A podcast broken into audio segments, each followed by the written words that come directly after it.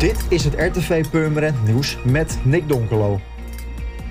Het televisieprogramma Opsporing Verzocht heeft dinsdagavond aandacht besteed aan babbeltrucs in Purmerend, Monnikendam en Landsmeer.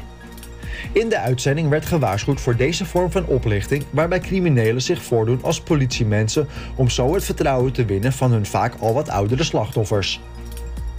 In eerste instantie worden de bewoners gebeld met een mededeling dat er een onderzoek is ingesteld naar bezittingen van de slachtoffers. Vervolgens komen de personen die zich voordoen als politieagent langs om deze bezittingen mee te nemen. In zeker vier gevallen werden bij een huisbezoek kostbare bezittingen gestolen.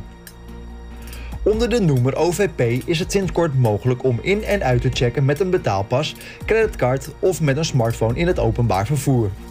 In onze regio is dat al mogelijk in de bussen van EBS en in alle bussen, trams en metro's van het GVB.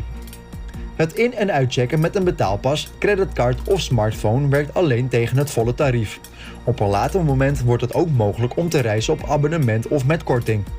Tot die tijd kunnen de reizigers met een abonnement hun huidige overchipkaart blijven gebruiken.